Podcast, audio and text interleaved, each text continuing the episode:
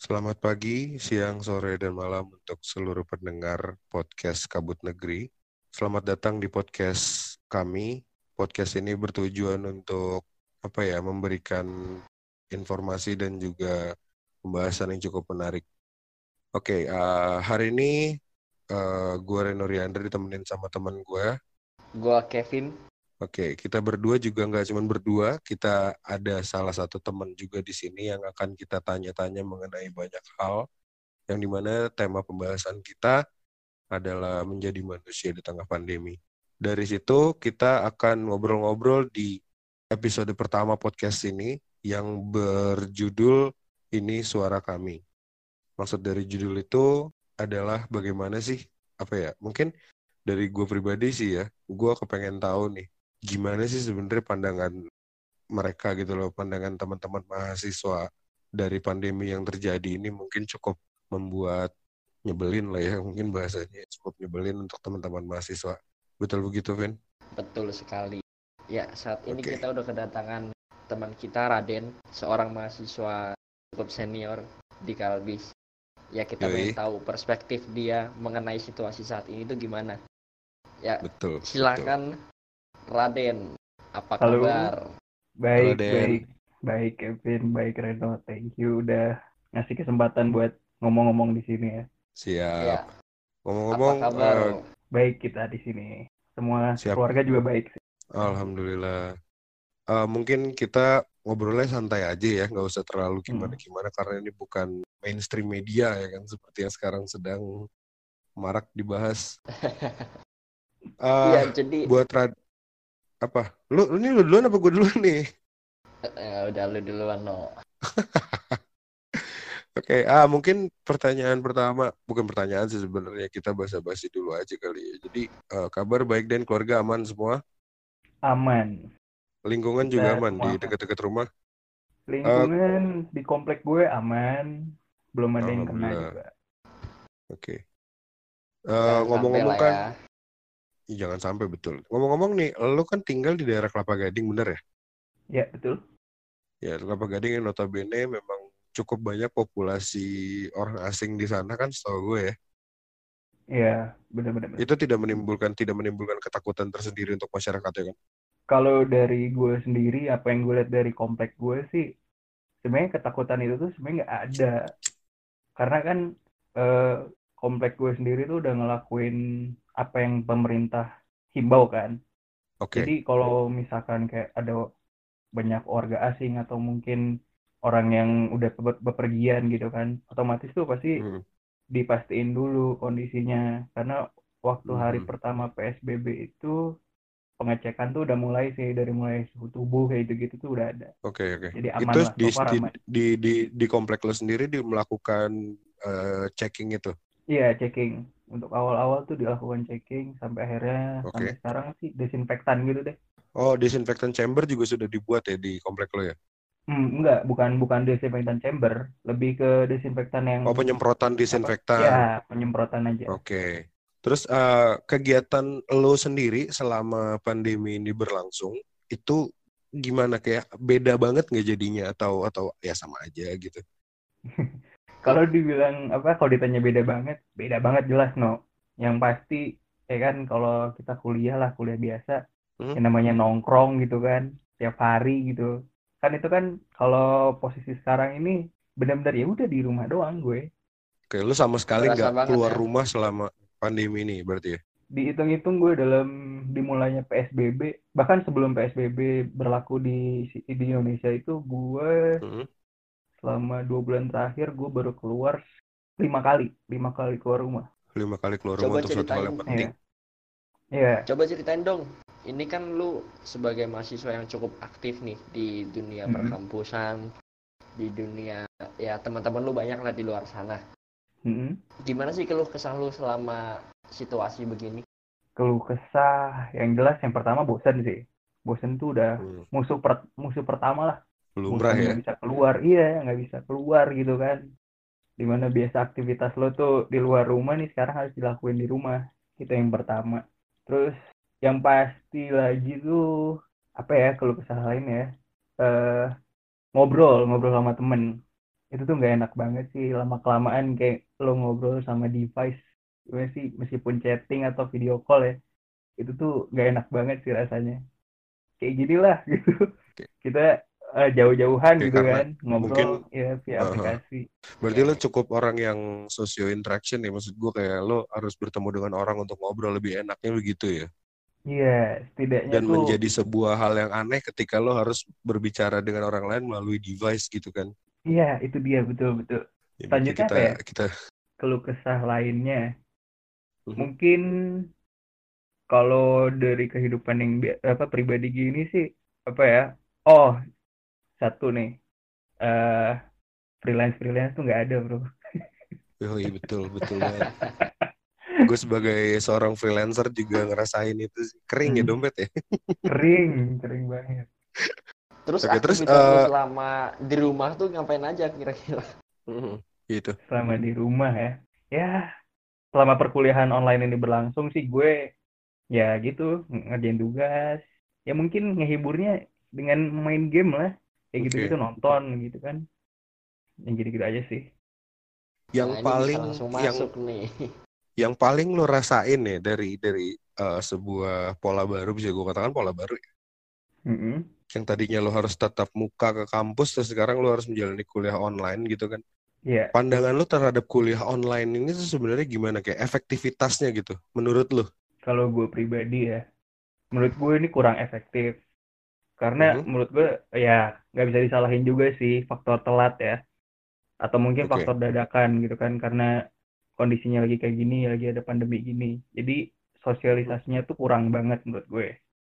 Mungkin Mhm. untuk sebagian kelas yang dulunya udah pernah gunain media apa untuk kelas online sih, ya oke-oke aja gitu kan pasti paham. oke Cuman untuk sebagian yang lain yang maksudnya yang kayak baru dadakan gitu kan, sedangkan ini harus tetap dilakukan, nggak bisa enggak gitu kan.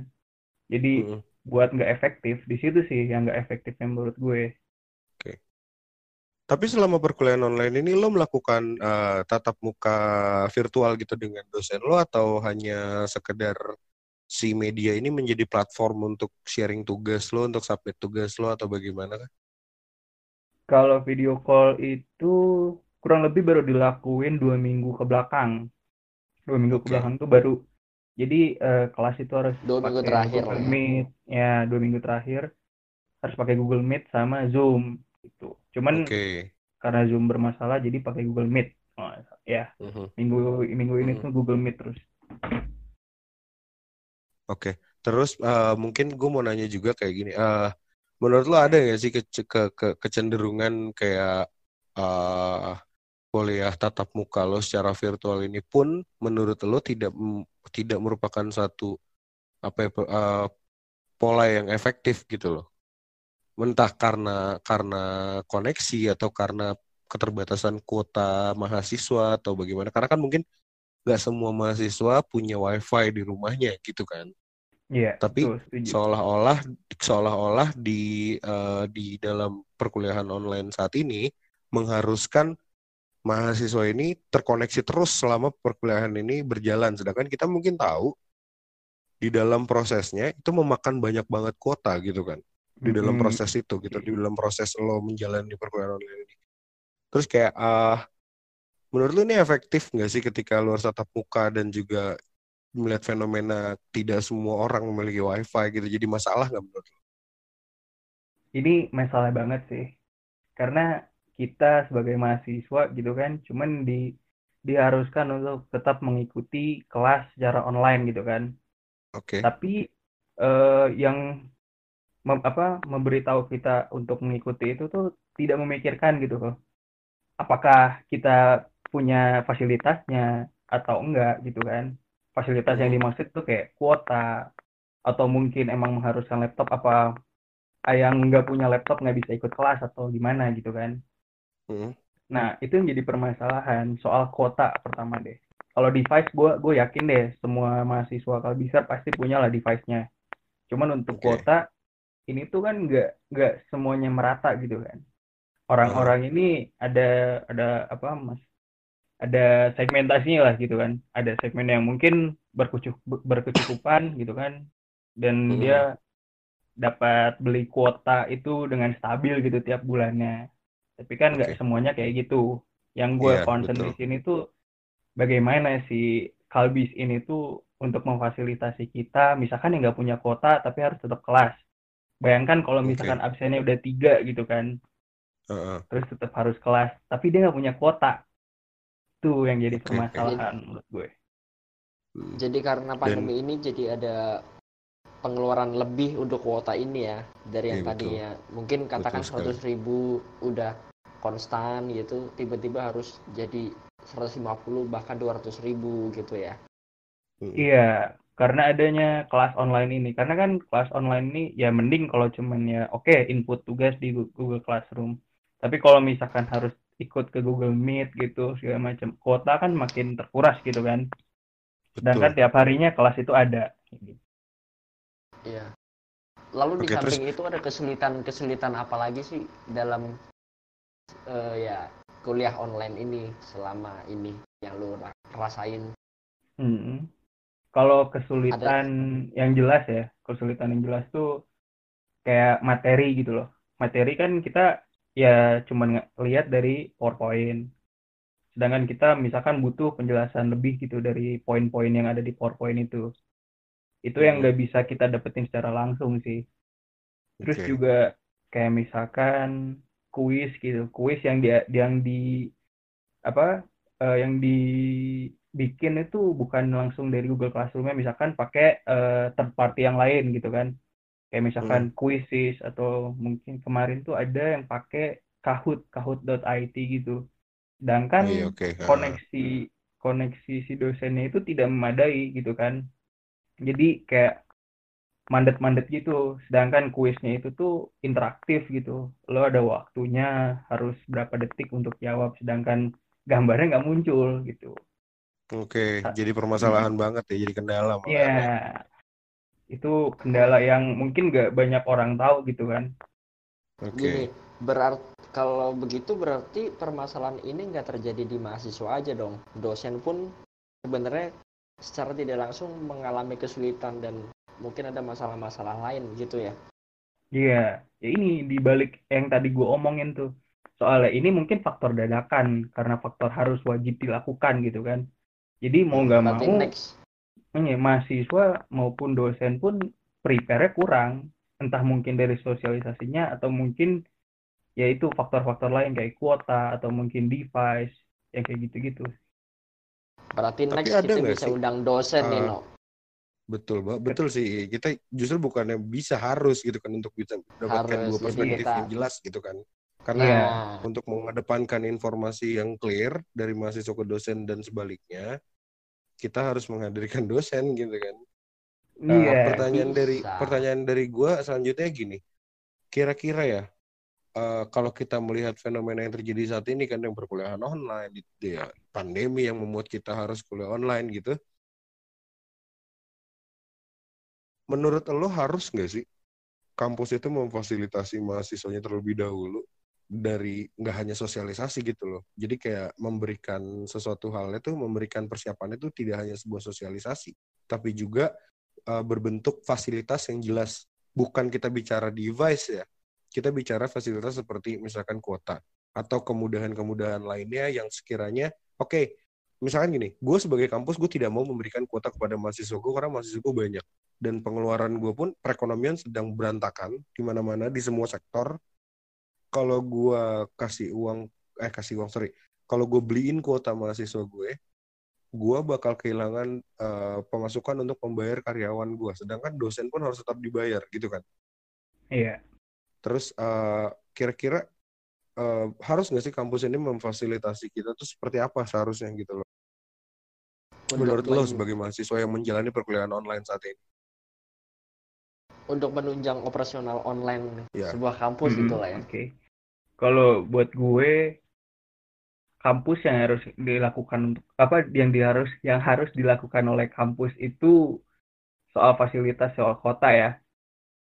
Itu kan sebuah kayak kita tuh eh, mahasiswa, dosen sama kampus tuh kayak besir besir sinergi gitu kan. Mhm. Di mana kayak eh, dosen butuh kuota untuk mengajar mahasiswanya. Kalau misalkan dosen yang nggak punya kuota, berarti mahasiswa nggak bisa kuliah kan? Iya betul. Nah, si dosen ini juga kan digaji sama kampus. Kampusnya okay. lagi ngedrop kayak gini ya, berarti dosennya juga sama-sama dong gitu kan. Perekonomiannya juga hmm. ngedrop. Hmm. Sedangkan ini harus tetap dilakukan ya gimana? Solusinya gimana gitu kan? Ya fasilitasi lah gitu loh. Dosen, mahasiswa hmm. untuk agar tetap bisa kuliah secara normal meskipun online ya. Betul. Hmm. Lalu kayak soal sosialisasi menurut gue kalau kan Kalbis Institute tersendiri itu sudah lama menggunakan campaign green green teknologi kan. Uh. Harusnya ya kalau misalkan harus ngelihat ke belakang gitu. Harusnya ya dari dulu untuk mensosialisasikan seperti ini, bukan harus menunggu hal-hal yang kayak gini. Iya, proses perkuliahan. Minimal ya setidaknya udah punya apa eh, bekal dari tahun-tahun sebelumnya lah. Oke, okay, ya. Jadi, jadi semacam penetrasi awal gitu ya. Jadi kalau gini kan kaget tiba-tiba harus iya. transisi yeah. dari offline ke online. Jadi belum hmm. ada sosialisasi yang mendalam sebelumnya, belum ada simulasi yeah. dan lain-lain. Mm-hmm. Jadi agak kaget ya gitu buat mahasiswa gitu betul. Iya, yeah. kalau dibilang kaget ya kaget. Oke itu juga kan sosialisasi itu nggak nyampe satu minggu okay. waktu awal-awal tuh sebelum akhirnya hmm. diliburkan eh bukan diliburkan sorry di kuliah rumahkan lah ya iya, di, di, di online kan semua prosesnya iya di online di rumahkan yeah. mm -mm. terus juga soal tadi tuh ya kalau misalkan ya gue juga ngerti sih kalbis mungkin programnya berkurang dengan adanya kelas dari rumah kelas online kayak gitu gue juga ngerti cuman kan eh, kalbis itu juga punya apa namanya mahasiswa yang mana mahasiswanya juga punya orang tua. Pasti orang tua juga merasakan yang sama lah perekonomian yang kurang gitu. Loh iya, betul. karena posisinya sama gitu kan kerja dari rumah. Hmm. kayak gitu sih. Ya, karena ini kenanya ke semua elemen ya iya. ke semua elemen betul. Ke mana-mana. Mm -mm. bukan sebuah alasan menurut gue kalau misalkan kita uh, sudah pernah bayar gitu loh sebelumnya enam bulan yang lalu bayar BP 3 gitu kan sampai akhirnya kita nggak ngerasain juga gitu fasilitas apa yang sekarang kira-kira kita di rumah gitu. Nah. Oh.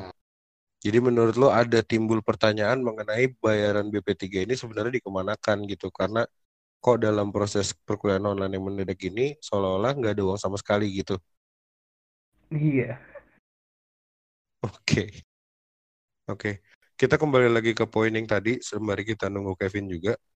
Kan hmm. kalau misalkan dikatakan dari pihak dosen juga mengalami kesulitan mengenai mungkin uh, untuk mem bisa memenuhi kebutuhan kuota mengajar gitu kan kuota maksudnya kuota hmm. internet untuk mengajar online mahasiswa pun yeah. juga menghadapi hal yang sama begitu kan sedangkan yeah. di dalam proses perkuliahan online ini tadi sempat lu bilang mahasiswa dan dosen harus bersinergi mm -hmm.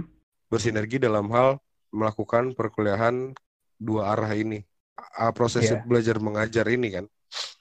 Yeah. Apakah apakah yang seharusnya di, dilakukan oleh Kalbi selain memfasilitasi secara kuota misalkan gitu karena mungkin kita tahu gini ya. Sebagian dosen mungkin memang di rumahnya pun terfasilitasi dengan wifi secara mapan gitu kan. Mm -hmm. Dan uh, mungkin ada juga beberapa dosen yang tidak atau memutuskan untuk pergi keluar kota duluan atau bagaimana pulang kampung duluan sebelum PSBB atau apa. Mm-hmm. Jadi dia tidak bisa mendapatkan koneksi internet yang baik gitulah di kampungnya dia. Yeah. Kira-kira uh, kira-kira kalau dari sudut pandang lo sebagai mahasiswa, baiknya apakah perkuliahan ini dipermudah dalam hal begini? Misalkan ya, gue ambil contoh hanya sekedar email to email mengenai tugas dan juga materi untuk dipelajari, mm-hmm. atau memang harus betul-betul melakukan yang namanya uh, kuliah tatap muka secara virtual ataupun sharing tugas di Google Classroom begitu. Karena menurut gue tidak ada bedanya ketika lo mengirimkan tugas melalui email dan juga mensubmit tugas-tugas tersebut melalui Google Classroom gitu kan konteksnya. Iya iya. Betul betul. Nah jadi nah jadi kira-kira jalan tengahnya menurut lo, jalan tengahnya kita kita kita cari win-win solution ya. Jalan tengahnya menurut lo sebagai hmm. mahasiswa seperti apa, Den? Kalau buat gue pribadi, kayak soal ya mungkin dosen yang udah apa pulang kampung lebih dulu ya, terus juga yang hmm. uh, internetnya mungkin nggak stabil kayak gitu, itu sebuah solusi yang baik sih kayak misalkan uh, tugas ya udah cuman email-emailan aja gitu kan. Okay. Oh juga kalau misalkan emang kurang ngerti atau kurang jelas apa penjelasan dari PowerPoint itu kan bisa lewat Japri kan gitu kan. Langsung hmm. personal gitu kan. Itu kan bisa uh, sebuah solusi yang baik gitu loh. Tanpa harus mengharuskan banget itu memaksakan kehendak. Kalau misalkan lo nggak punya kuota yang stabil atau nggak internet yang stabil tapi lo harus hmm. uh, tetap apa tetap muka secara virtual kayak gitu. Yang mana justru kan, kan menjadi kendala baru gitu kan iya jangan jadi kendala baru gitu oke okay. nah uh, dan begini kalau misalkan dilihat dari kalau misalkan dilihat dari segi seorang mahasiswa ya, yeah. kan sempat ada sempat ada masuk ke masuk ke kuping gua statement seperti ini. Kalau misalkan memang kampus tidak bisa memberikan kuota kepada mahasiswanya atau dosennya, itu bukan sebuah alasan karena kampus pun di beberapa sektor di dalam operasionalnya kan tidak aktif saat ini. Misalkan penggunaan listrik berkurang pasti dong Jelas. Air pun berkurang gitu kan. Banyak eh, biaya-biaya harusnya keluar secara rutin, ini di stop dulu. Harusnya kan uang itu uang itu bisa dialokasikan untuk memfasilitasi dosen dan juga mahasiswa melakukan perkuliahan online ini, gitu kan? Iya. Yeah.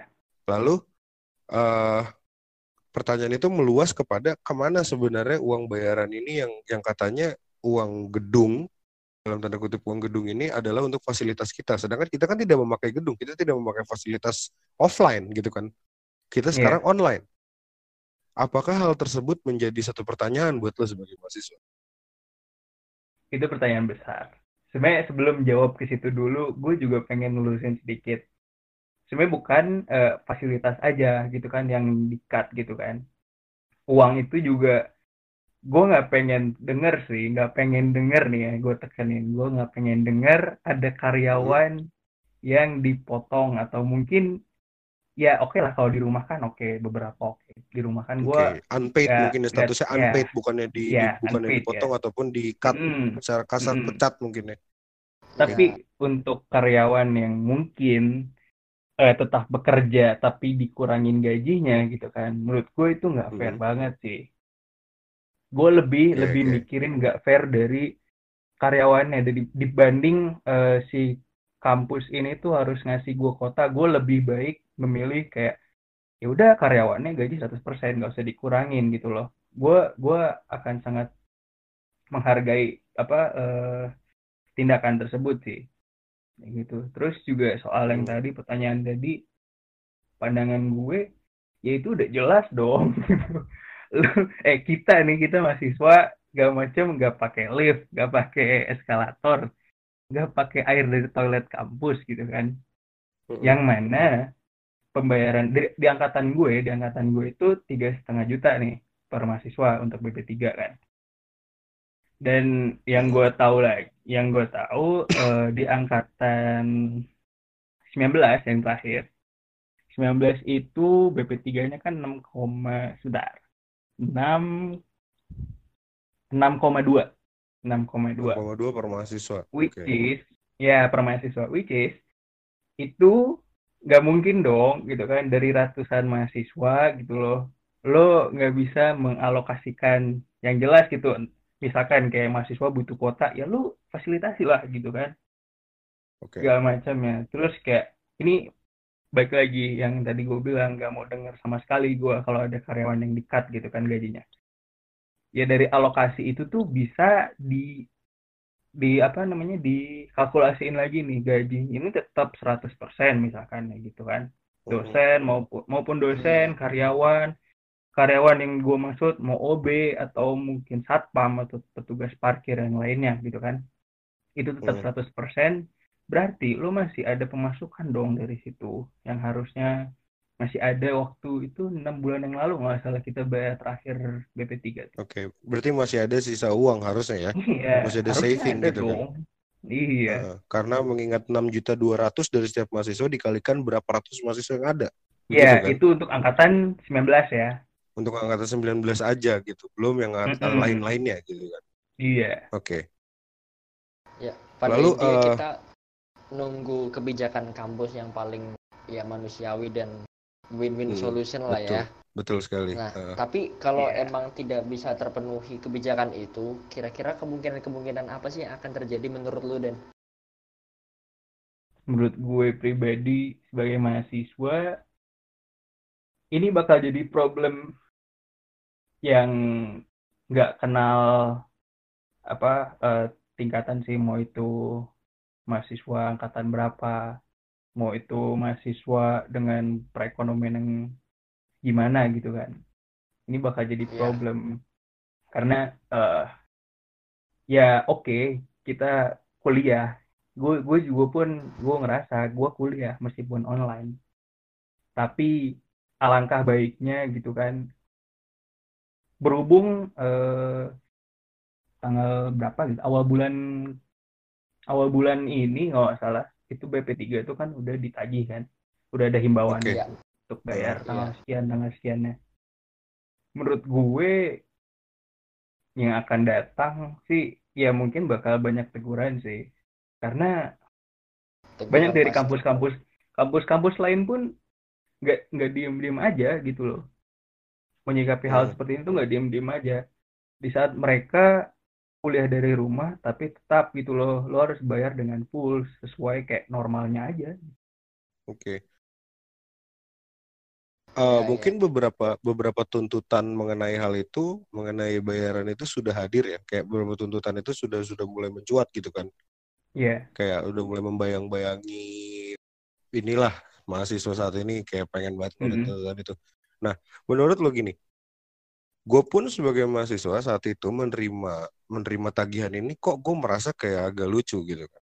Ketika lo di tengah-tengah masa pandemi seperti ini di mana semua perekonomian menyerang semua elemen semua apa ya semua sistem sumber pendapatan iya, lo bermasalah pandang bulu lah nggak pandang bulu itu uh, nggak pandang bulu gitu kan. Di tengah-tengah hmm. pandemi seperti ini justru di tengah pandemi seperti ini justru uh, ada himbauan untuk bayaran dengan nominal yang full dan juga mm-hmm. di situ masih tertulis bagi mahasiswa yang telat membayar atau apa akan dinonaktifkan ataupun yeah. apa seperti itu. Menurut lo, apakah yeah. itu cukup manusiawi untuk diterima seorang mahasiswa? Ini sebenarnya permasalahan lama ya kalau soal itu ya. Uh, soal penonaktifan mahasiswa kalau misalkan ancaman-ancaman itulah. Iya, ancaman-ancaman itu dari awal adanya ancaman itu kalau nggak salah tahun 2017 atau 16 gue lupa. Itu gue udah mikir gitu kan ini nggak masuk akal. Sebenarnya kita kuliah ini tuh dasarkan ekonomi atau keinginan kita untuk belajar sih sebenarnya gitu. Oke. Okay. toh kayak yang gue pikir dulu tuh gini loh. Gue pengen kuliah gitu. Tapi perekonomian gue nggak nggak memadai lah. Istilahnya kayak okay. gitu tapi uh, masa sih nggak ada kesempatan buat gue untuk tetap kuliah gitu loh. Masa gue hmm. harus bayar terus terus kemudian gue kuliah secara biasa gitu loh. Terus apa apa bedanya kalau misalkan lo yang nggak bisa bayar gitu mengusahakan segala macam cara nih buat lo bisa bayar? Uh sorry gue agak ngeblank dah kayaknya iya ya, tapi apa. ngeri juga loh no hmm. ngeri nih kalau hmm. emang ini ter terlalu emosional sih buat gue soalnya yang kasus ini nih okay, okay. temen gue ngerasain yang kayak gitu beberapa temen gue tuh merasakan hal, -hal kayak gini nih yang hmm. nggak hmm. bayar gitu kan dinonaktifin ya. ada yang dari angkatan gue aja tuh ada eh, sempat karena isu yang nggak bayar padahal udah bayar gitu loh.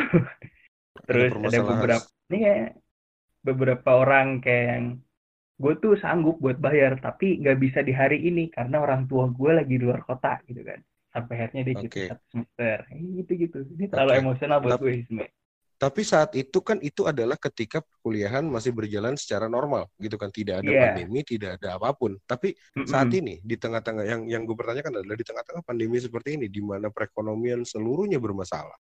Dan kita mungkin tahu ya, sama-sama tahu bahwa mungkin sebagian mahasiswa tidak menggunakan uang orang tua untuk membayar kuliahnya gitu kan. Mm-mm. Yang mungkin mereka Mm-mm. kerja untuk memenuhi Iya. kebutuhan bayaran dan lain-lain sedangkan pekerjaannya mungkin harus di-cut ataupun unpaid statusnya.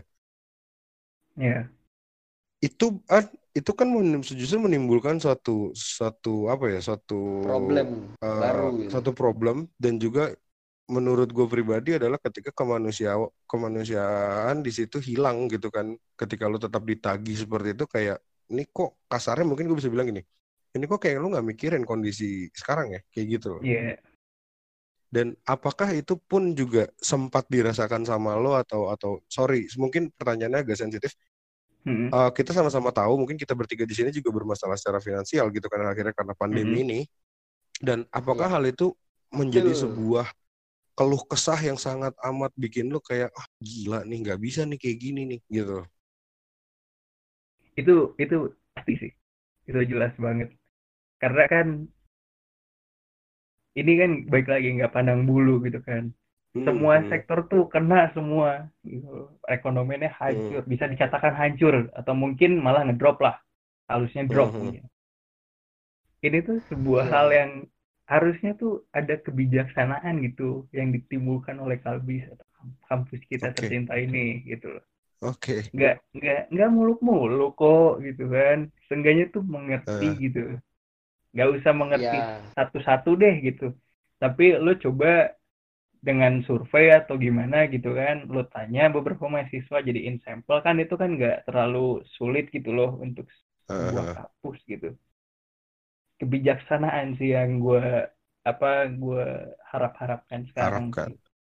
tapi kalau menurut gua Bijaksana ya. ketika ke- tapi menurut gua bijaksana gini loh bijak sini betul jadi nggak bijak buat sana miring ya. doang sini juga gitu. iya harus bijaksana bijak sini ya tapi kalau tapi menurut gua mau gini ngomong no Boleh boleh. gini no Hah? apa kalau begini ya takutnya Heeh. nanti akan ada masalah-masalah baru yang akan timbul soalnya. Info-info yang gue dapet sih ada beberapa teman mahasiswa yang mungkin orang tuanya kena PHK juga terdampak oke Nah, ketika pembayaran BP3 ini terlambat dan sampai harus nonaktif, mungkin prioritas mereka adalah bukan perkuliahan anak, tapi untuk Iya. mencukupi kebutuhan pokok dia pasti kan. Nah, oke Iya. dari situ pasti ya gue nggak punya data sih, tapi ya mungkin akan ada sekian persen atau beberapa mahasiswa yang akan hilang gitu loh, karena tidak bisa Oh. melanjutkan kuliahnya. ya betul betul nah, betul itu ini kemungkinannya sangat itu- besar terjadi Iya. Ya, eh, kalau mahasiswa berkurang kan pasti ada akan ada pemotongan tenaga kerja juga kan. Nah itu Hmm. takutnya yang akan nanti kemudian terjadi. Nah, di situlah sebenarnya ya. Di situ peran dari kebijakan yang di- diputuskan oleh kampus sebenarnya bekerja gitu kan, yang win-win solution yang Iya. hadir menentukan itu semua sebenarnya gitu kan harusnya. Iya. Pertanyaan dari gue untuk kampus mungkin kayak siap nggak untuk kehilangan mahasiswa secara masif? Gitu sih. Betul. Iya. Kalau emang Betul kebijaksanaan itu nggak muncul ya, apakah siap gitu? Nah, karena kalau gue melihat gini, akan terjadi yang sih. paling yang paling utama akan menghilang adalah mereka-mereka yang dalam tanda kutip bayar sendiri gitu loh, Iya. yang kerja sana sini serabutan apa untuk memenuhi kebutuhan berkuliahnya ataupun mereka-mereka yang fight untuk bisa kuliah dan akhirnya dapat pekerjaan. Sebelum pandemi ya dapat pekerjaan untuk bisa kuliah. Tiba-tiba pas pandemi kuliah pekerjaannya harus di-cut atau bagaimana dan akhirnya dia kehilangan apa. Karena menurut survei yang gue tahu adalah mungkin pandemi ini di bulan Juli kita akan normal. Di bulan September semua akan kembali secara secara normal. Paling paling akhir ya September paling lama.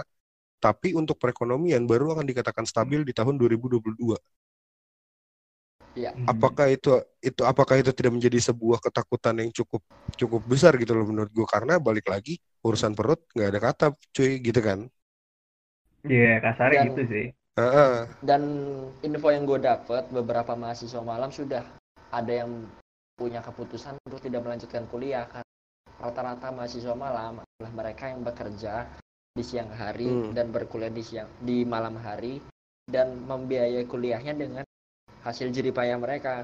Nah, Oke. mereka-mereka ini yang kena istilahnya dirumahkan secara halusnya PHK gitu. Mhm, Kan Betul. kita harus perhatiin juga tuh. Bahkan beberapa Iya. teman yang gua punya pun, beberapa teman gua pun yang sudah bekerja, mereka semua dirumahkan pun ada beberapa yang secara tidak hormat gitu loh via WhatsApp mereka diinfokan untuk dirumahkan, Hmm. via WhatsApp mereka diinfokan Ah. mereka unpaid, tetap bekerja namun unpaid. Itu kan sebuah Itu gimana dia. ya? Menurut gua itu adalah sebuah keputusan perusahaan yang sebenarnya sangat amat berat untuk diambil namun harus dilakukan demi kelancaran si perusahaan ini sendiri begitu kan. Dan Iya. mungkin ini pun juga terjadi di Kalbis begitu loh. Kalau gua menilainya fenomena eh, penagihan BP3 secara normal pembayarannya maksud gua kayak nominalnya secara normal tidak ada pemotongan ataupun tidak ada keringanan ataupun ya tidak ada kebijakan apa pun yang dilakukan atas hal ini justru menimbulkan stigma bahwa kita sebagai mahasiswa dijadikan motor bisnis gitu loh bukan motor bisnis mungkin terlalu kasar bahasanya ya dijadikan sumber uang gitu loh sumber uang demi kelangsungannya sumber mereka uang. sedangkan eh, sedangkan bagaimana kita mau bagaimana mereka mau mendapatkan pendapatan yang yang sama seperti sebelumnya sedangkan beberapa mahasiswa sudah kehilangan sumber penghasilan Kelu- beberapa keluarganya Iya. mungkin sudah mengalami drop di di sektor ekonominya gitu kan bahkan untuk Bahkan Untuk ada yang gali lubang tutup lubang loh, no. Untuk Nah, nutupin iya, itu juga- biaya itu juga. kuliah itu. Ya. nah itu juga dari sebelum pandemi pun gue sudah me- mendapatkan info tersebut gitu loh Mm-mm. maksud gue kayak ya ini akan jadi sebuah kekhawatiran yang sangat amat gila menurut gue di ke depannya Ya, kalau misalkan Kalbis tidak melakukan kebijakan gitu loh malah paniknya bukan Setuju karena COVID-nya, malah karena perekonomian ini ya. betul betul sekali gitu loh. Karena menurut gue kayak ya udah covid ya covid gitu kan. Pandemi ya pandemi. Tugas kita hanyalah jaga kesehatan gitu kan. Jaga kebersihan dan Iya. lain-lain. Mengurangi interaksi dengan orang bla bla bla. Tapi di satu sisi lain jangankan masalah kuliah bagaimana lu bisa nyari duit kalau perut lu nggak diisi kan gitu. Malah efek Bagaimana- dominonya ini yang bagaimana jadi di efek dominonya tuh sangat amat panjang gitu loh. Ya Iya, iya. kalau Setuju menurut banget gue. Kon- kalau menurut gue kayak konklusinya adalah harus ada kebijakan yang dilakukan sebenarnya sih Ya. Sebelum sumber uangnya berkurang. betul-betul habis ya betul-betul habis gitu Iya. kan malahan. karena Iya. kita nggak tahu maksud maksud gue gini loh even pandemi ini berjalan banyak sekali kemungkinan-kemungkinan di luaran sana pada tiap-tiap keluarga pada tiap-tiap individu yang mungkin terjadi dan kita juga nggak tahu apakah kemungkinan itu akan menyebabkan kita mengeluarkan mengeluarkan apa ya eh, uang yang lebih gitu kan amit-amit gitu Iya. cuman kas katakan pahit-pahitnya begini di tengah-tengah pandemi seperti ini lo harus sakit masuk rumah sakit di tengah-tengah pandemi seperti ini lo harus let's say kecelakaan atau apa gitu kan kita nggak tahu Iya. berarti kan harus ada alokasi di rumah uang pun bisa Ah, kecelakaan ya. betul gitu kan. Berarti kan harus ada alokasi uang ke keuangan keluarga yang diprioritaskan ke situ dulu. Yang mungkin akan berimbas kepada yang lain. Yang harusnya lo bisa makan ayam karena lo bayar ini dulu jadi lo makan tempe. Kan begitu. Itu, itu contoh sederhananya menurut gue. Iya. gitu loh. Jadi ya secara secara sederhananya kebijakan ini harus betul-betul ada. Betul begitu nggak sih? Iya, gue sangat mengharapkan banget sih kebijakan yang dilakukan oleh Kalbis itu. oke Gini deh, Den. Eh, Eh, menurut lu Tapi nih, ini kayak berhubung ini banget sih ya. Kita abis merayakan Hari Pendidikan Nasional ya. Bahasnya Hmm. kampus ya. Pas banget Ya. emang. pas. Ya kan kita hak-hak eh, akademisi dan mahasiswa serta siswa-siswi sel- seluruh Indonesia kan harus diperhatikan juga oleh pemerintah dan Hmm. institusinya khususnya. Tapi gue mau nanya nih dari pandangan Apa? lo nih Den sebagai mahasiswa Kalbis, seandainya ini seandainya ya ada kebijakan keluar, oke BP3 tetap normal, tapi ada semacam privilege untuk semua mahasiswa yang menunjang eh, sarana operasional kuliah online ini gitu loh, semacam subsidi kuota dan lain-lain untuk dosen dan mahasiswa khususnya. Kira-kira itu Hmm. bisa diterima nggak sih? Atau mungkin ada tuntutan lebih yang diharapin? Kalau gue pribadi, gue mau lihat dulu breakdownnya uang BP3 itu digunakan untuk apa aja, apa aja gitu kan. Baru Iya. kita, kalau perlu dikalkulasiin, kalkulasiin gitu kan. Apa yang kampus Oke. memberikan ke kita itu ada berapa persen dari uang kita yang kita kasih ke kampus. Berarti Seenggaknya kan harapan itu- lu, Eh, apa win-win solution gitu. Berarti harapan lu ada transparansi data keuangan itu ya? Ya, karena kan eh, posisinya kita diwajibkan dan diharuskan untuk membayar gitu loh. Ya kita kalau emang harus Oke. 100% normal ya setidaknya kasih lihat kita lah transparansi datanya seperti apa. Uang itu dialokasikan ke mana. Ibarat kata orang tua mau ngasih uang ke anak, orang tua harus tahu dulu lu mau beli apa, gitu kan.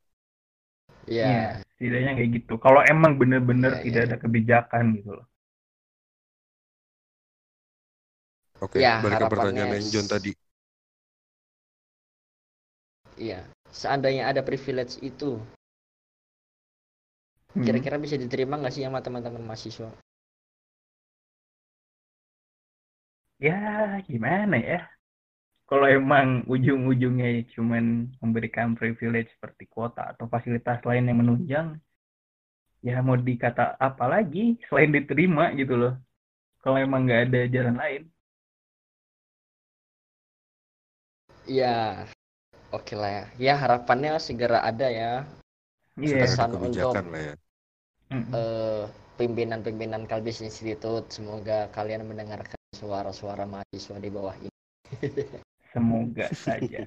Bukan kalian saja Nah, kok yang perekonomiannya yang drop. Kami Ya. juga mahasiswa merasakan kok. Bagaimana jadi pemimpin supaya melahirkan kebijakan-kebijakan yang manusiawi dan win-win solution lah ya.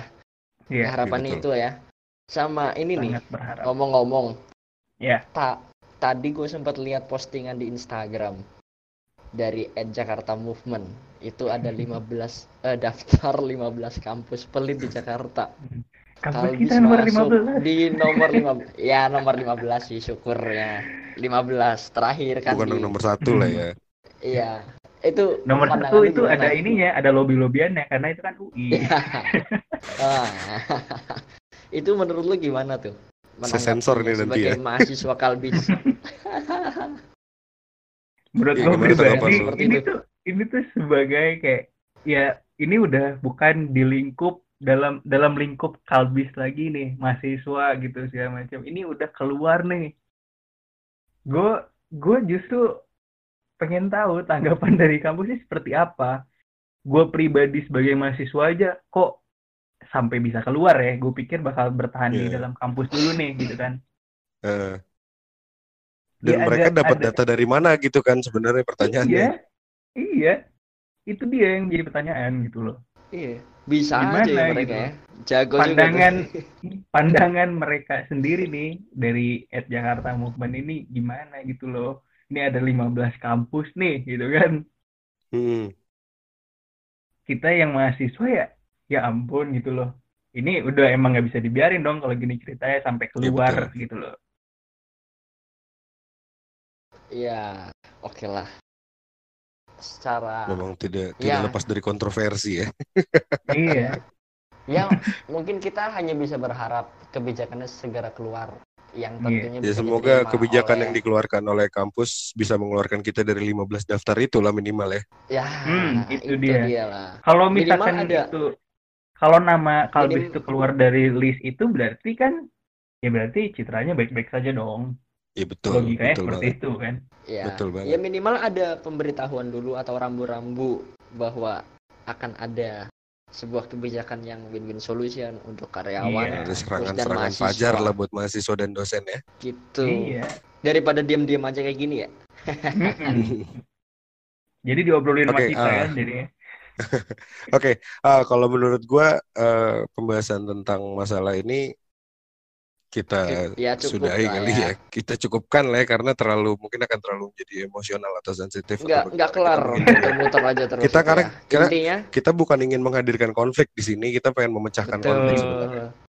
Mohon Betul. maaf Pak Rektor Hmm. dan lain-lain, bukan kita mau kon- provokasi atau apa ya ini suara-suara anak-anak Ya, kita hanya Kita berusaha cuma untuk menyampaikan fakta yang tidak terungkap saja.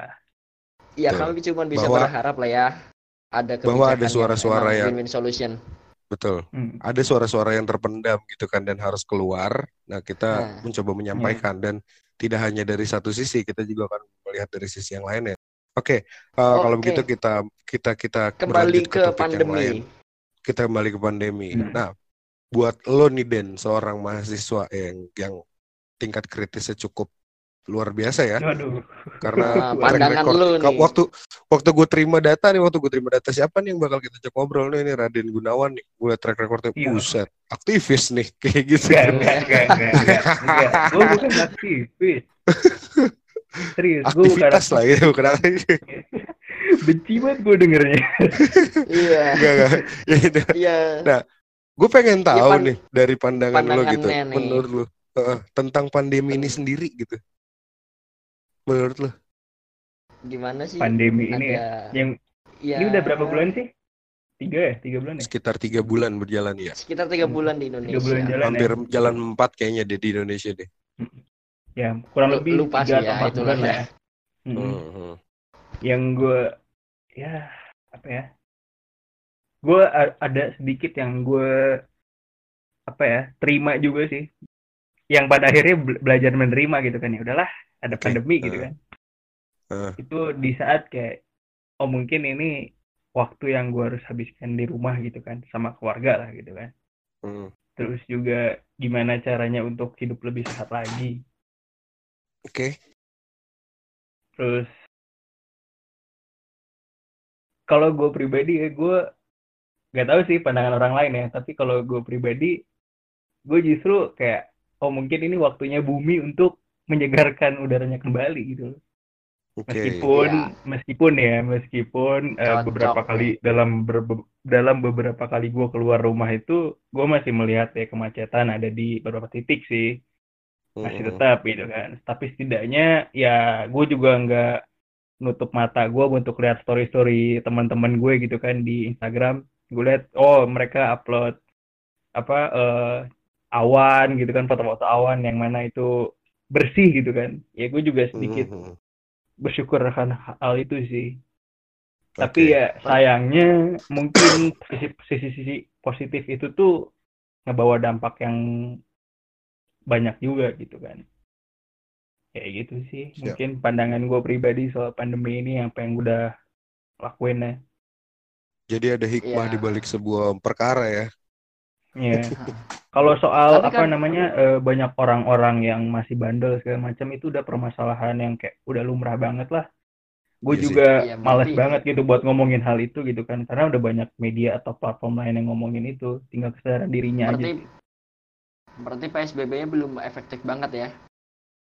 Karena gue juga su- suka nemuin sih beberapa titik yang masih padat keramaian orang bahkan lalu lintas yang masih padat di beberapa titik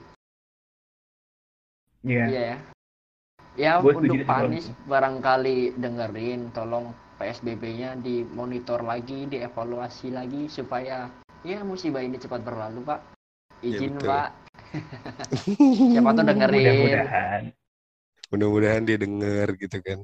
Iya.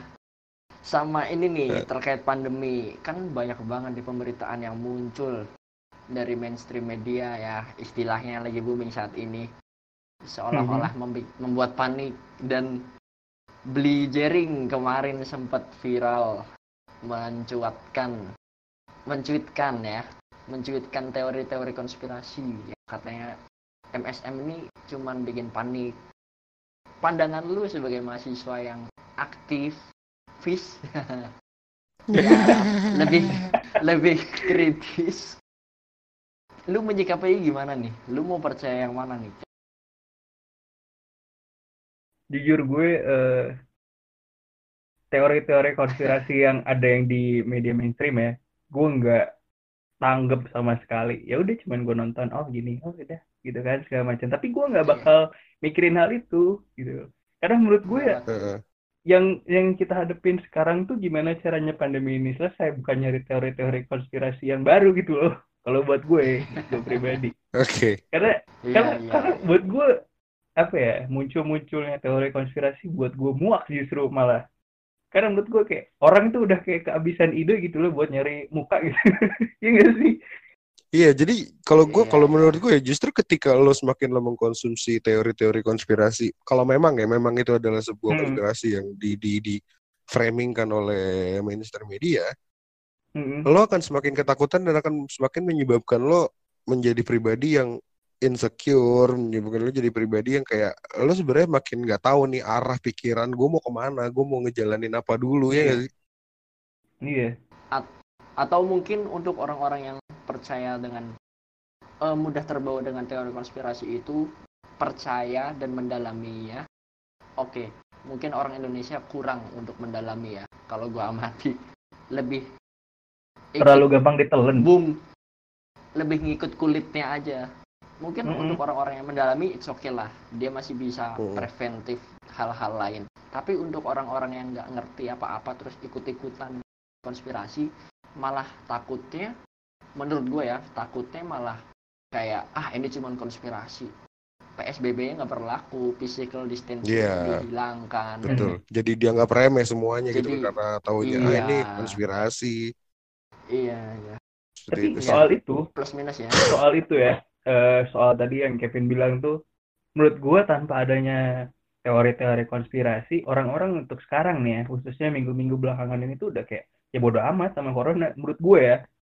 Hmm. terakhir Iya, gue iya. keluar pun tuh gila ini bulan puasa nih takjil anjir kiri kanan tuh masih ada loh. Iya, karena Bayangin PHK itu. jualan tajil sekarang. Iya. Jangan kan ada teori Mungkin- konspirasi gitu Mungkin kembali Iya. kepada poin perekonomian sih ya. Jadi kebutuhan perut balik Iya, lagi. Hmm. Heeh. Mereka menya- Karena menyampingkan mungkin- resiko gitu kan akhirnya. Ih, kalau dibahas soal perekonomian secara luas tuh aduh tingkat kriminal gitu segala macam gitu loh banyak loh Iya, Aduh. berkesinambungan. Sangat amat berkesinambungan Iya. dengan segala segala hal yang terjadi saat ini sebenarnya. Hmm. ini jangan sampai arah-arahnya nyentil menteri yang satu itu tuh panjang Beda ya. Panjang Ceritanya. jangan. Nay. Oke, ah itu Itu. kan pandangan lo menurut apa, menurut lo tentang pandemi saat ini gitu kan. Bahwasanya kayak Hmm. ada hal positif yang terjadi dari dari sekian besar fenomena pandemi ini begitu kan. Bahwa kayak bumi akhirnya restoring balance gitu kan dengan jadi lebih Iya. lebih ya lebih lebih lebih asri lagi lah bisa dikatakan seperti itu. Ya gue juga ngerasa sih kayak tingkat polusi nggak setinggi biasanya gitu kan jadi lebih enak aja gitu bernafas. ya setuju tapi, Tapi tetap ada aja sayang ada ya, satu kenapa tuh? sayang udara bersih dan segar ini di saat seperti ini kita harus pakai masker Iya. Betul. iya betul. Jadi kayak kita Setuju kita menolak udara bersih. Jadi Iya. yang pengen gue tanyakan adalah mungkin gini.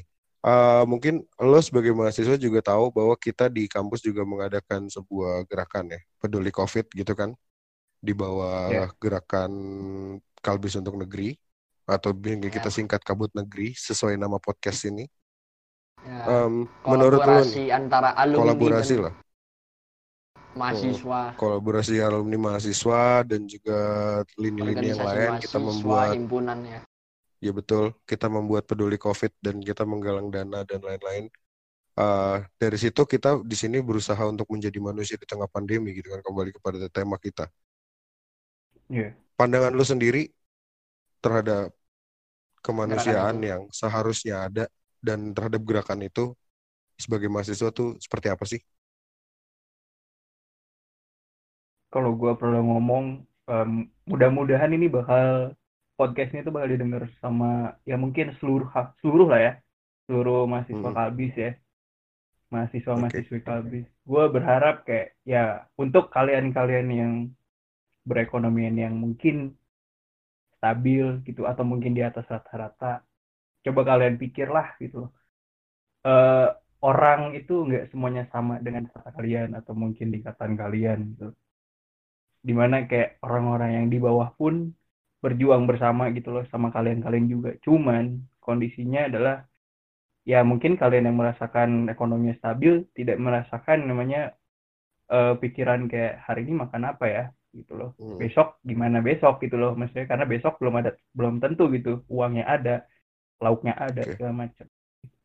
Gue berharap kayak untuk orang-orang yang berekonomian stabil coba lo pikir dulu deh pikir positifnya di kondisi seperti ini tuh mungkin lo bisa berbagi gitu loh dengan sesama. Kayak gitu. Hmm. menyisihkan apa yang menjadi kayak lo nih tingkatan lo tuh kekayaannya tinggi misalnya gitu. Lo coba sisihkan lah beberapa gitu loh. Nggak harus muluk-muluk kayak oh, gue harus ngasih sekian persen segala macam. Ya nggak usah gitu loh. Dengan lo turun langsung gitu entah itu membagi makanan gitu loh ke warga-warga lain kayak gitu atau mungkin sembako segala macam itu bakal berguna banget sih buat mereka karena ingat baik lagi kita berjuang itu nggak kita kita doang tapi semuanya gitu sih ya kita semua sedang gitu. berjuang gitu. ya mm -mm. ya harapannya buat teman-teman atau om tante bapak ibu hmm. dan lain-lain yang mungkin lebih beruntung daripada yeah. saudara-saudara kita di luar sana yang mungkin kurang beruntung daripada kalian ya kita bisa lah bergabung dalam inisiatif-inisiatif yang turut serta untuk membantu teman-teman kita karena ya seperti pepat pepatah yang pernah gue dengar kalau nggak salah di mata sang pencipta bukan apa yang kita punya yang menjadi nilai tetapi seberapa besar yang kita berikan betul nggak betul bisa gue setuju bisa, dengan bisa, itu sih bisa oke okay.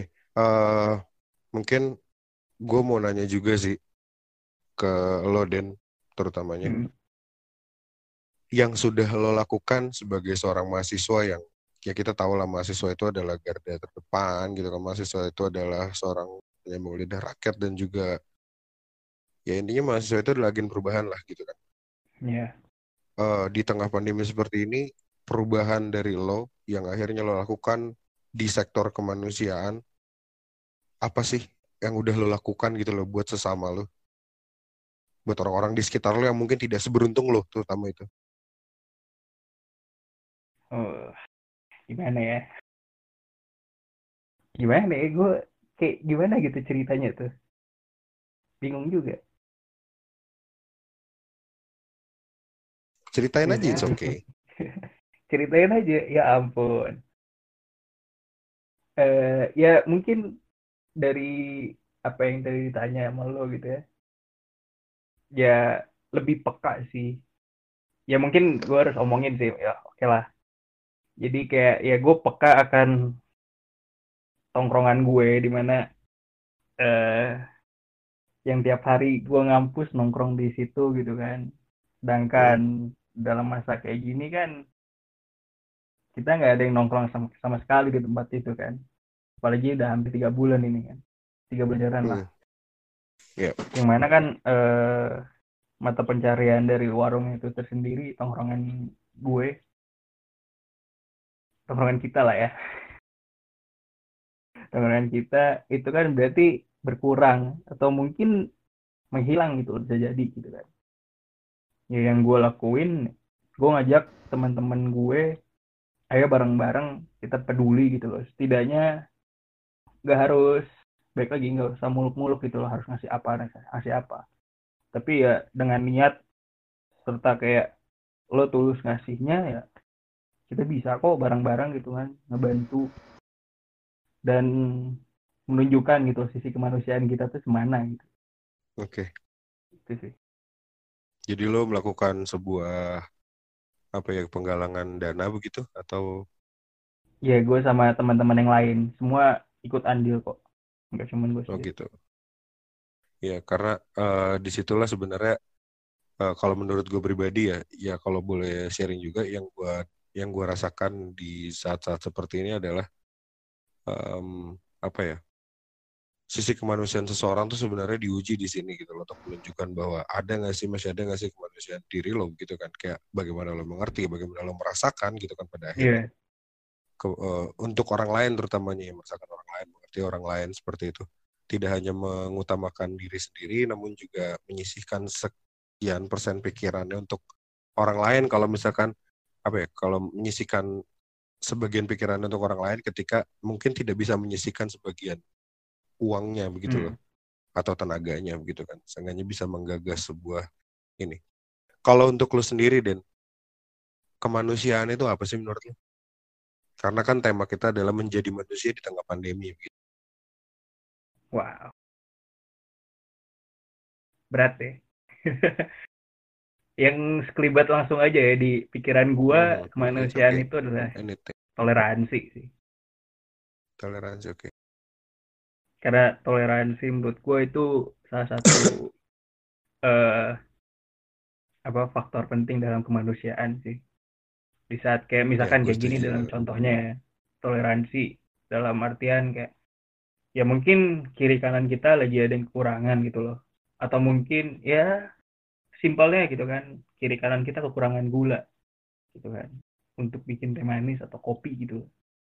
Sedangkan dalam kondisi psbb kayak gini kerjaan nggak ada gitu kan dia harus nyari ke mana untuk dapetin gula gitu kan yang kita lakukan hmm. untuk kayak ngasih kiri kanan kita cuman semacam gula aja itu udah apa menunjukkan gitu loh sisi kemanusiaan kepedulian kita. dan kemanusiaan ya kepedulian kemanusiaan itu udah kita tunjukkan gitu loh kalau okay. lebih jauh lagi mungkin gue kurang apa ya kurang apa ya susah gitu nyusun kata-katanya biar keren gitu yang kelibat aja gitu tapi intinya ya. adalah bagaimana kita berarti kalau boleh gue rangkum mungkin hmm. bagaimana kita menyalurkan kepedulian dan juga kemanusiaan kita semampunya ya yeah. kepada yang membutuhkan terutama. Yeah. Itu itu harus tuh semampunya hmm. karena kalau lo terlalu memaksakan itu juga nggak baik justru malah ya, menimbulkan betul. masalah untuk lu sendiri betul betul dan itu juga itu juga nggak nggak apa ya nggak baik lah gitu nggak sepantasnya gitu kalau lu e, membantu dengan lu sendiri pun berkur berkurang bukan yang gue ngelarang ya tapi setidaknya lo harus pikirin juga gitu biar nggak menimbulkan simbang, masalah simbang baru. aja lah ya ya oke okay. ya bicara toleransi mungkin tidak bisa dilepaskan dengan equality ya kesetaraan Betul. Iya. Jadi kita nggak bisa membeda-bedakan antara Karena satu menurut gue, ya dan menurut gue pun toleransi yang hadir saat ini bukan hanya mengenai antara agama atau antar ras gitu loh, tapi juga toleransi hmm. terhadap diri sendiri gitu kan bagaimana kita mentolerir diri kita untuk tidak seego sebelumnya, tidak yeah. se apatis sebelumnya begitu kan. Setuju sekali Reno. Oke, okay, um, mungkin pertanyaan terakhir uh, Mak apa? Makna memanusiakan manusia itu ya. Iya. Nah, uh, mungkin yang terakhir uh, yang mau gue pengen banget nih dari gue denger dari Raden untuk memberikan insight lah ke teman-teman di luar sana, siapa pun di luar sana, men yang bisa dilakukan untuk memanusiakan manusia di tengah pandemi itu kira-kira seperti apa sih? Coba uh, mungkin yang pertama lo diem di rumah itu juga mengikuti himbauan pemerintah ya itu sebuah hmm. Memanusiakan manusia khususnya untuk para ya seperti itu apa gugus tugas gitu kan. Entah itu terus juga apa uh, meringankan tugas petugas, mereka petugas ya. medis. Ya meringankan tugas mereka betul sekali. Saya petugas medis. Itu kan mereka juga manusia gitu loh. Mereka hmm. juga butuh yang namanya istirahat di rumah dengan tenang gitu kayak seperti biasanya lah. Nggak seperti sekarang gitu. Sehari-hari pakai APD gitu kan itu juga yeah, sama betul. halnya dengan memanusiakan manusia gitu. terus mungkin selanjutnya kayak uh, lebih peka lagi kanan kiri segala macam atau emang lo hidup sendiri silakan kalau lo kuat gitu loh tanpa apa uh, membutuhkan orang-orang lain gitu silakan lo harus peka sama tetangga seperti hal kayak gitu terus juga mungkin orang-orang yang apa ya faktanya sih faktanya ya kelapa gading dari apa penglihatan gue saat keluar rumah itu gue melihat banyak banget kayak uh, apa ya bisa dibilang misalnya kayak, kayak pengemis gitu pengemis tuh tingkatnya banyak banget sih di di kelapa mm -hmm. gading tuh di jalan-jalan tuh yeah. itu sebuah pemandangan yang buat gue miris banget gitu loh di saat posisi kayak gini bukannya mereka diem di rumah tapi mereka harus mencari sesuatu gitu loh. Karena mereka dengan penuh harapan sampai ya. akhirnya ya penuh harapan sampai akhirnya ya gitu mengemis gitu loh. Ini yang sebenarnya agak sedikit apa ironis sih. Ya balik lagi ke pemerintah sih menurut gue. Di saat kayak betul. kondisi kayak gini eh ya orang-orang yang tidak mampu seperti itu tuh malah di jalan gitu loh. Nggak Malah keluar malah ketahuan ya. iya nggak difasilitasi ya mungkin kalau mereka butuh makan ya kirimlah sembako gitu kan jangan sampai kayak oke udah bla bla segala macam udah ngirim sembako tapi nggak nyampe gitu loh kan itu sebuah pertanyaan Hmm, besar betul. Tergantung Itu yang- bagaimana pemerintah dan juga masyarakat yang sekiranya masih mampu untuk membantu ya tentunya. Iya. Dan menurut gue untuk solusi yang tadi ya kalau misalkan emang pemerintah seperti itulah seperti apa yang kita tahu sekarang gitu kan tingkat pengemis makin banyak segala macam ini udah udah saatnya untuk bukan mengharapkan pemerintah membantu rakyat tapi rakyat yang membantu rakyat untuk saat ini untuk beberapa bulan ke depan gitu loh. Untuk Hmm. menyikapi hal seperti ini tuh harus bersama-sama. Buang dulu lah ego kayak misalkan ya oke gue gue ngerti misalkan lo kecukupan gitu segala macam tapi ingat lo juga pasti butuh orang sesama gue mungkin mau ngomong sedikit sih soal apa eh, monggo. apa yang dilakukan oleh apa eh, Iluni apa ikatan alumni sama Mm-mm. ya mungkin beberapa mahasiswa atau mungkin juga eh, dosen atau rektorat juga segala macam. Gue sangat mengapresiasi sih langkah seperti ini mengadakan penggalangan dana. Karena Iya. ya gue jujur juga gue banyak tahu lah eh, penggalangan dana tuh nggak cuma satu macam doang gitu kan. Beberapa instansi juga mengadakan seperti itu. Justru dengan hal ini tuh eh, apa khususnya untuk mahasiswa kalbis ya menurut gue ini sebuah ya hal yang bagus gitu loh. Orang-orang tuh harusnya lebih peka gitu kan. Dan disediain nih platform yang di mana yang bikin itu dari lingkungan lo sendiri gitu loh. Seenggaknya Oke, bisa ya, menepis kayak hal-hal kayak lo stigma jelek lah terhadap penggalangan dana kayak gitu kan. Ini ada Ya, betul. medianya Dan- eh apa ada platformnya lo tinggal apa tinggal apa namanya cari-cari tahu lah soal apa namanya lupa gue peduli peduli apa ya? peduli covid ya peduli Peduli covid ya Hmm, peduli peduli covid covid 19 Nah, itu dia kan. Gue berharap Ya. sih kalau orang yang udah ngedengerin kita nih sampai sekarang ini nih, sampai menit berapa nih gue lupa. Itu harusnya sih ya lebih peka lagi sih. Lebih terbuka lah pikirannya. Ya, ya cuman untuk teman-teman yang sendiri. Untuk teman-teman yang sekiranya masih mau membantu kawan-kawan kita platform ini masih dibuka sampai akhir Mei bahkan mungkin ketika masih ada yang membutuhkan kita perpanjang Akan Untuk- diperpanjang. kepentingan masyarakat yang memang kurang beruntung Membutuhkan. ya. Setuju. ya Oke. Dari Kevin ada tambahan atau insight yang mau diberikan untuk teman-teman di luar? udah sih kurang lebih ya mungkin Oke. thank you banget buat Raden udah mau bersedia meluangkan waktu untuk hadir dalam diskusi ini Ngobrol-ngobrol. Hmm. yang mungkin untuk sebagian orang kurang penting tapi harapannya juga masih ada pentingnya buat sebagian orang yang Iya. mungkin bisa menjadi inspirasi atau bahkan bisa diresapi lebih dalam. Thank you Raden, semoga Ya. stay safe, stay healthy, tetap physical. Terima distancing. kasih. Terima kasih. Salam buat Terima keluarga. Sehat-sehat untuk keluarga semua, betul. Amin. Dan amin. gue juga mungkin sedikit mau mengucapkan selamat berpuasa, selamat menikmati santap sahurnya. Iya, kita udah setengah Terima empat kasih ya. sudah ngobrol sampai jam segini. FYI buat teman-teman, kita ini sudah mau sahur, jadi mungkin kita sudahi uh, podcast kita untuk episode pertama. Terima kasih banyak untuk Raden sekali lagi. Iya. Sama-sama. Ya. Seru ngobrol sebuah ngobrol-ngobrol yang seru ya. Thank you. Semoga apa yang kita obrolin bisa menjadi masukan dan bisa menjadi sebuah apa ya, bisa menjadi sebuah pesan lah ya untuk Iya. orang orang lain. Ini bukan Oke, sebuah kita provokasi. tutup. Hmm, Ini Ya betul. harus Betul. diingat apa harus ditekankan ini bukan sebuah bentuk provokasi. Ya, ini adalah ini adalah sebuah usaha kami, suara kami untuk Ya. bisa mendapatkan apa yang seharusnya menjadi apa ya, menjadi satu hal yang menenangkan lah istilahnya gitu. Tidak ada Iya. keresahan-keresahan, tidak ada yang jadi ocehan-ocehan sampai harus masuk ke list 15 kampus yeah. tanda kutip itu gitu kan. Iya. Semoga harapannya adalah yang terbaik akan didapatkan oleh siapa pun itu di jajarannya, entah mahasiswa, entah dosen ataupun siapa pun supaya kita bisa sejahtera lagi lah seperti itu ya.